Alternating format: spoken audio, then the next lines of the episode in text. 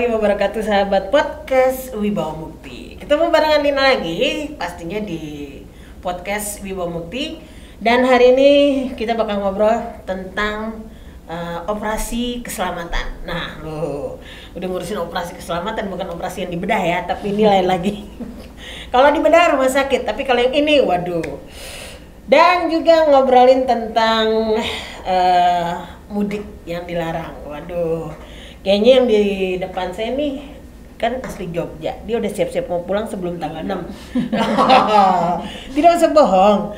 Dengerin ya baik-baik. Begitu juga untuk sahabat podcast semuanya. Ya, hari ini Lina ngobrol-ngobrol dengan seorang ibu yang cantik, tegas, ih seneng banget. Aku pengen ada punya pimpinan juga yang galak kayak gini. Belum Tapi seru gitu. Ini yang kita harapkan. Baik, untuk sahabat Wibawa Mukti sebelum kita lanjut lagi, untuk lebih enaknya kita buka dulu masker kita hari ini. Kalau prokes tetap dijaga karena bagaimanapun juga 3M ya. Menggunakan masker, menjaga jarak dan mencuci tangan menggunakan sabun di air yang mengalir. Kita sapa langsung saja tamu kita hari ini yaitu AKP Aliani SH selaku Kanit Kamsel Satlantas Polres Metro Bekasi. Assalamualaikum Ibu. Waalaikumsalam warahmatullahi wabarakatuh. Aduh, senang hari ini bisa ketemu sama Ibu. Iya.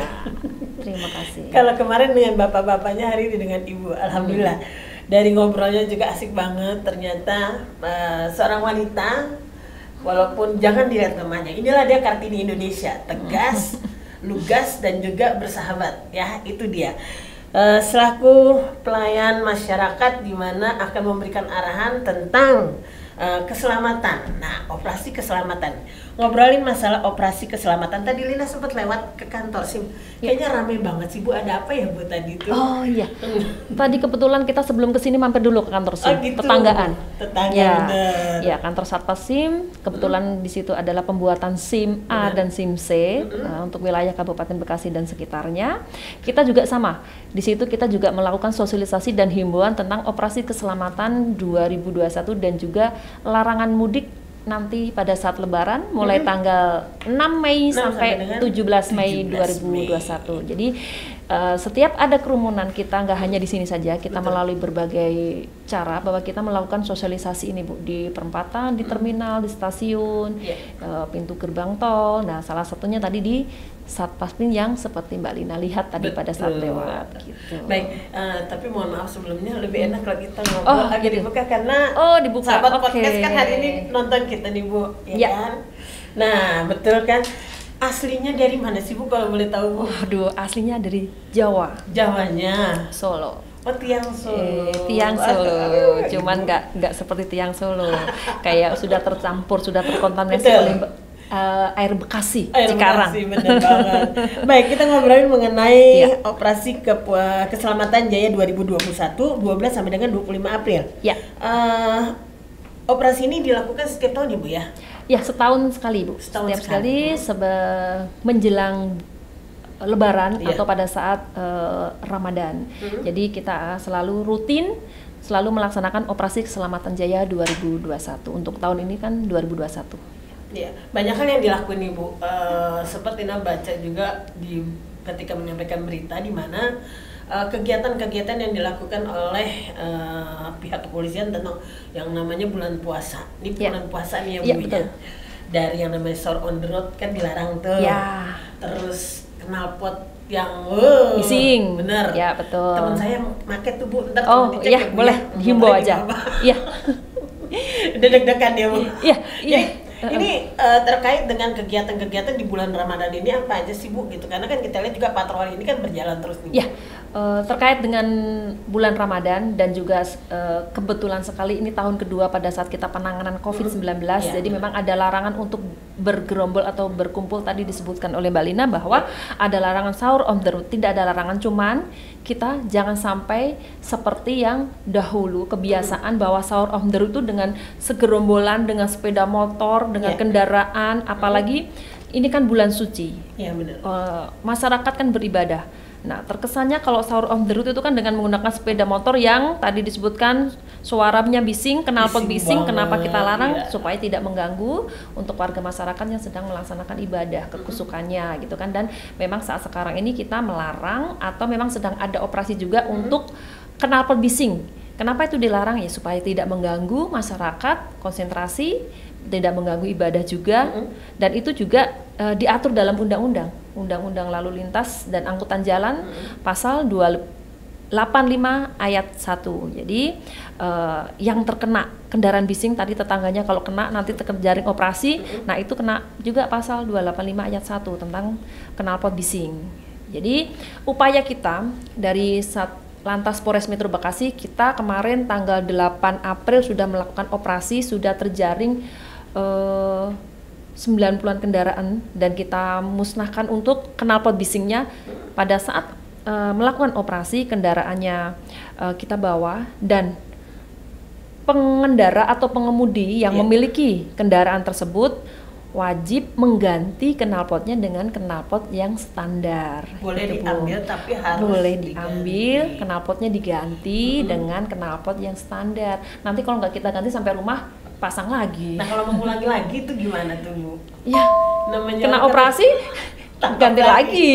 Seperti itu. Karena kan kita juga eh, mereka tidak hanya mengganti knalpotnya tetapi juga kita tilang kan bu? Kita tilang dengan tadi pasal 285 ayat 1 tadi. Jadi itu. Nih di Kabupaten Bekasi sendiri paling banyak itu pelanggaran itu apa sih Bu? Kalau untuk Kabupaten Bekasi pelanggaran banyak bu, pelanggaran karena kita kan wilayahnya luar biasa dan Betul. kita adalah kawasan industri terbesar se Asia. benar. Berarti banyak sekali pelanggaran yang dari usia. Mungkin paling banyak adalah usia produktif ya, usia produktif karena eh, seperti si bilang kawasan industri, mulai yang tidak memakai helm, nah, itu juga banyak sekali, ya kan, tidak memiliki SIM, paling dan ini yang saya tekankan paling bahaya bu dan Iya. yang menjadi kebiasaan ibu-ibu juga, itu adalah melawan arus bu. Padahal itu sangat berbahaya sekali, cuman yaitu tadi kecelakaan yang di Kabupaten Bekasi itu dominannya yaitu melanggar aturan dan melawan arus itu paling banyak. Iya. melawan arus kita sudah melakukan upaya kadang kan eh, ya itu sesuai dengan bagian saya di Kiasa sosialisasi himbauan terus. Kita himbau untuk tidak melawan arus itu kita pergi balik lagi. Balik susah juga. Makanya kita hadir ke sini biar masyarakat juga melihat mengetahui ayo kita sama-sama eh, melaksanakan tertib berlalu lintas bukan untuk keselamatan saya sebenarnya. Benar. untuk keselamatan masyarakat pengendara itu sendiri. Gitu Iya. loh. Karena kita kan seperti orang tua. Selama kita masih memberitahu ya kan masih kita ngomel-ngomel teriak-teriak berarti masih tandanya saya Saya tunggu sebenarnya ya Bu ya. cuman masyarakat taunya ada polisi langsung kabur Aduh, udah deg-degan duluan Bu, langsung pucat Bu ya kita. Ya. Nah, kalau kita ngomongin masalah keselamatan nih Bu. Ya. Lawan arus sudah pasti. Tidak menggunakan helm iya. Ya. Pelanggaran yang memang selalu Ya. dilakukan. Kemudian juga eh, SIM Ya, atau surat-surat yang tidak lengkap lah ya, Ya. Bu. Bagaimana dengan tindak kejahatan sendiri Bu? Karena eh, kita kan tahu walaupun eh, pihak eh, aparat sendiri sudah patroli, Ya, sudah patroli keliling, gitu. Karena masih ada saja kejadian-kejadian yang tidak kita harapkan. Ini bagaimana Ya. penanganannya, Bu? Ya, kalau untuk tindak pidana sendiri eh, berarti berkaitan dengan reskrim ya, tapi apa pun itu kita sebagai aparat kepolisian harus eh, membuat masyarakat itu aman nyaman, apalagi sekarang di eh, corona ini ya, Iya. dengan himpitan ekonomi segala cara bisa dilakukan. Memang untuk kriminal itu rata-rata kan ada pencurian. Pencurian itu kan ada bermacam-macam ya, pencurian dengan kekerasan, dengan pemberatan, Iya. pencurian biasa gitu kan. Nah, memang eh, untuk kejadian pencurian itu memang meningkat, Mbak. Walaupun kita sudah upaya melakukan operasi skala besar setiap hari, setiap hari itu kita melaksanakan operasi skala besar dengan berpatroli, patroli skala besar, ya, Iya. dari berbagai fungsi, mulai dari lalu lintas juga, mulai dari reskrim untuk anggota dari sabarannya, kita melakukan patroli skala besar untuk meminimalisir kejadian tindak pidana tadi dan itu tidak hanya dilakukan oleh Polres tapi Polsek juga melakukan patroli skala besar. Nah, kalau untuk tindak kejahatan ya memang pasti ada gitu kan dan itu Iya. tidak bisa dihilangkan sama sekali tapi Iya. kita selalu berupaya untuk melaksanakan melakukan patroli skala besar tadi Bu. Ya, itu dia. Yang penting selalu melakukan uh, masyarakat juga harus tahu dan harus tanggap juga Iya. bahwa tidak hanya pihak kepolisian aja yang bergerak, masyarakatnya juga ya Bu ya. Karena kita tidak bisa bekerja sendiri, harus Benar. ada kerjasama dengan instansi lain, dengan masyarakat itu sendiri. Kalau Iya. kita mengandalkan aparat, aparat itu bukan robot, ibaratnya kan begitu. Betul. Jadi kita harus ada kerjasama. Nah, kalau ngomongin banyaknya sekali uh, banyaknya pelanggaran-pelanggaran ataupun juga uh, tidak lengkapnya surat-surat atau apa. Ini kan sekarang kita bakal ada etilang nih Bu. Ya, Nah. etilang betul, betul, betul, Mbak Lina. Ini kalau ngomongin masalah etilang gimana nih Bu? Etilang, ya. Untuk etilang sendiri, untuk wilayah Kabupaten Bekasi kita informasikan bahwa di Kabupaten Bekasi sudah ada kita pasang etle. Oh. Nah, pasti Mbak Lina belum tahu. Yang Lina tahu itu cuma di SGC. Iya, SGC saja. Jurang- baru belum ya? belum. Jadi Oke. itu baru wacana nanti tahun berikutnya dengan Kominfo juga kita minta bantuan dengan Hmm. pemerintah 9 titik ya rencananya, Iya. tapi baru terlaksana hanya di SGC. Jadi Oh, kita himbau juga jadi etle ini etilang ini tidak hanya di Jakarta di kota, Hmm. tapi di Kabupaten Bekasi sudah ada Mbak, yaitu di SGC. SGC sudah ada etle etilang. Jadi kita himbau sebenarnya ada tidak adanya etle kan kita harus mematuhi aturan lalu lintas. Betul. Nah, eh, dengan etle ini kita tidak bisa lagi kan untuk eh, tawar menawar atau berdebat. Nah, kalau apa namanya dengan kamera, dengan alat kita tidak bisa berbohong. Di situ bisa terlacak atau terlihat yang tidak pakai eh, safety belt, tidak menggunakan sabuk pengaman bisa terlihat. Ya. dengan eh, Menggunakan handphone. menggunakan handphone pada saat kendara juga terlihat ya kan? Tidak menggunakan helm jelas. Dan juga eh, melanggar marka jalan. Jadi itu kita sudah sambung alat itu di tempat kita dan tersambung oleh samsat ya kan samsat polda maupun dari korlantas nanti sudah akan terlacak mbak yang melakukan pelanggaran kita lihat dari plat nomor yang digunakan oleh pengendara tersebut Nah, plat nomor itu akan terlihat dan nanti akan terlacak, akan dilihat oleh Samsat, oh ini atas nama siapa. Pelanggar ini dia melanggar apa? Kita ada buktinya yaitu kamera tadi. Kita di capture atau di foto pelanggarannya apa. Setelah itu kita konfirmasi, Mbak. Kita memberikan surat konfirmasi kepada alamat yang sesuai dengan STNK. Nah, kenapa kita harus memberikan konfirmasi? Karena belum tentu yang naik kendaraan tersebut adalah pemilik dari kendaraan tersebut. Jadi kita konfirmasi juga karena ada sebagian pemilik kendaraan itu yang menjual kendaraan tersebut tapi belum balik nama. Jadi kita berikan kepada masyarakat untuk konfirmasi, oh ini eh, saya sudah balik nama. Yang memiliki kendaraan ini adalah si A si B. Setelah itu, setelah konfirmasi eh, apa namanya dia datang konfirmasi dengan alamat tersebut apabila si pelanggar ini juga tidak membayar denda itu nanti akan diblokir pada saat nanti pembayaran pajak Gitu. Iya, Nah, itu sistemnya eh, atau caranya seperti apa sih Bu prosedurnya gitu cara-cara mereka kan mereka tidak tahu nih kalau Iya. mereka kan tahu-tahu dapat surat aja. Iya. Sedangkan pelanggaran itu kan namanya orang Iya. ah nggak ada polisi ini aman Iya, gitu. makanya kita sebelum kita pasang etle, Mbak, kita sudah setiap hari melakukan sosialisasi di situ bahwa ini sudah terpasang etle. Kita melalui eh, berbagai eh, mulai dari media juga Iya. gitu kan. Nah, kita sudah mensosialisasikan bahwa di Kabupaten Bekasi di titik ah, SGC tersebut sudah terpasang etle.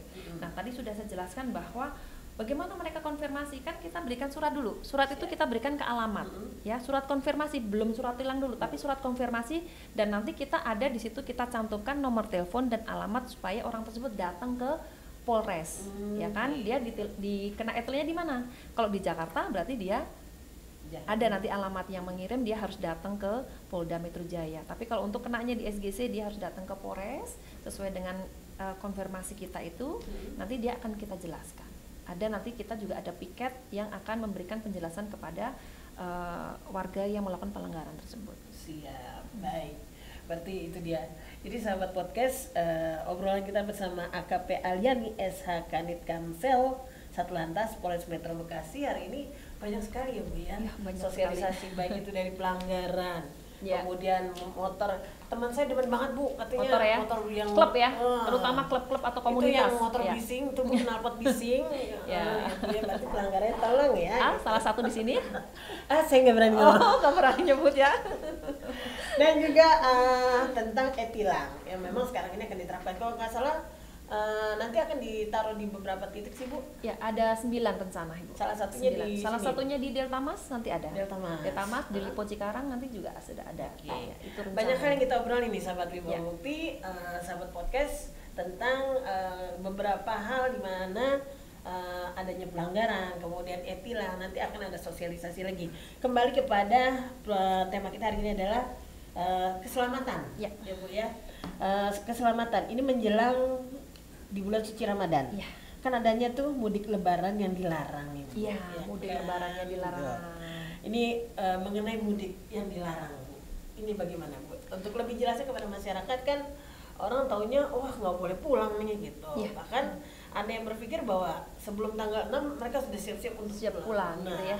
ini mungkin lebih lebih spesifik lagi untuk dijelaskan Bu. Iya, kena eh, kita di dalam salah satu operasi ini adalah larangan mudik mulai tanggal 6 Mei sampai tanggal 17 Mei 2021 dan itu juga sudah ada edaran dari pemerintah juga bahwa sudah ada la- edaran larangan mudik. Nah, kenapa ini kok mudik aja dilarang? Biasanya setiap tahun kan Iya. diperbolehkan gitu kan. Nah, kenapa mudik dilarang? Karena sampai saat sekarang ini kan gitu.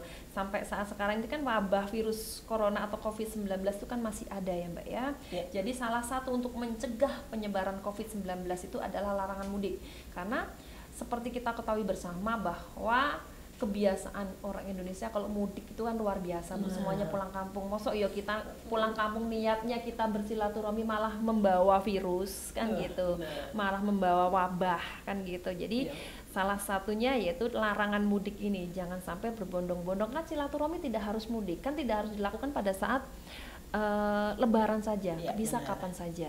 Gitu. Jadi itu kenapa dilakukan adalah untuk mengurangi atau mencegah penyebaran virus COVID-19 karena sampai sekarang ini virus COVID-19 itu memang masih ada, Mbak. Iya. Kalau tadi sempat kita ngobrol ya Bu ya, adanya penyekatan-penyekatan di beberapa wilayah. Iya, penyekatan. Nah, Kabupaten Bekasi ini kan berbatasan dengan Jakarta, Bogor, Iya. terus Kerawang. Kerawang, Iya. Jonggol. Nah, ini banyak banget loh Bu jalan Iya. tikusnya Bu. Ya, eh, kemarin kita sudah evaluasi bahwa di wilayah Kabupaten Bekasi ini penyekatan tuh ada 10 titik, Mbak. Hmm. Penyekatan tuh ada 10 titik mulai dari Jalan Tikus tadi disebutkan Iya. dari Cibarusah itu ada, Jalan Cibarusah, terus Kalimalang yang eh, apa Jalan Cibeet ya, Cibeet Cibeet, ya, Cibeet itu iya. jembatan itu Iya. juga, terus Kedung Waringin, Betul. terus dari Muara Gembong yang Pakis itu mulai dari sana pun ada ada 10 titik, Mbak, untuk kita penyekatan. Ya Bojongmangu mulai dari Kalimalang perbatasan dari Bekasi kota yang Tambun pun kita ada penyekatan di situ Mbak. Jadi nggak hanya jalan Pantura jalan Kalimalang di tol pun juga ada. Cuman kalau untuk tol untuk tol itu adalah nanti yang melakukan penyekatan adalah dari Korlantas dan Polda Metro Jaya untuk kita dari anggota kepolisian untuk Kabupaten Bekasi adalah jalan Kalimalang dan eh, Pantura setelah jalan tikus tadi Jalan tikus Iya, tadi. betul. Baik. Berarti jadi untuk sahabat podcast ya, ini mulai dari tanggal 6 sampai dengan 17 Mei 2021 demi Indonesia yang sehat bebas dari COVID-19. Operasi Keselamatan Jaya 2021 dilarang mudik. Nah, jadi ini ada larangan mudik dari kita untuk kita juga Iya, sebenarnya ya. Bu ya.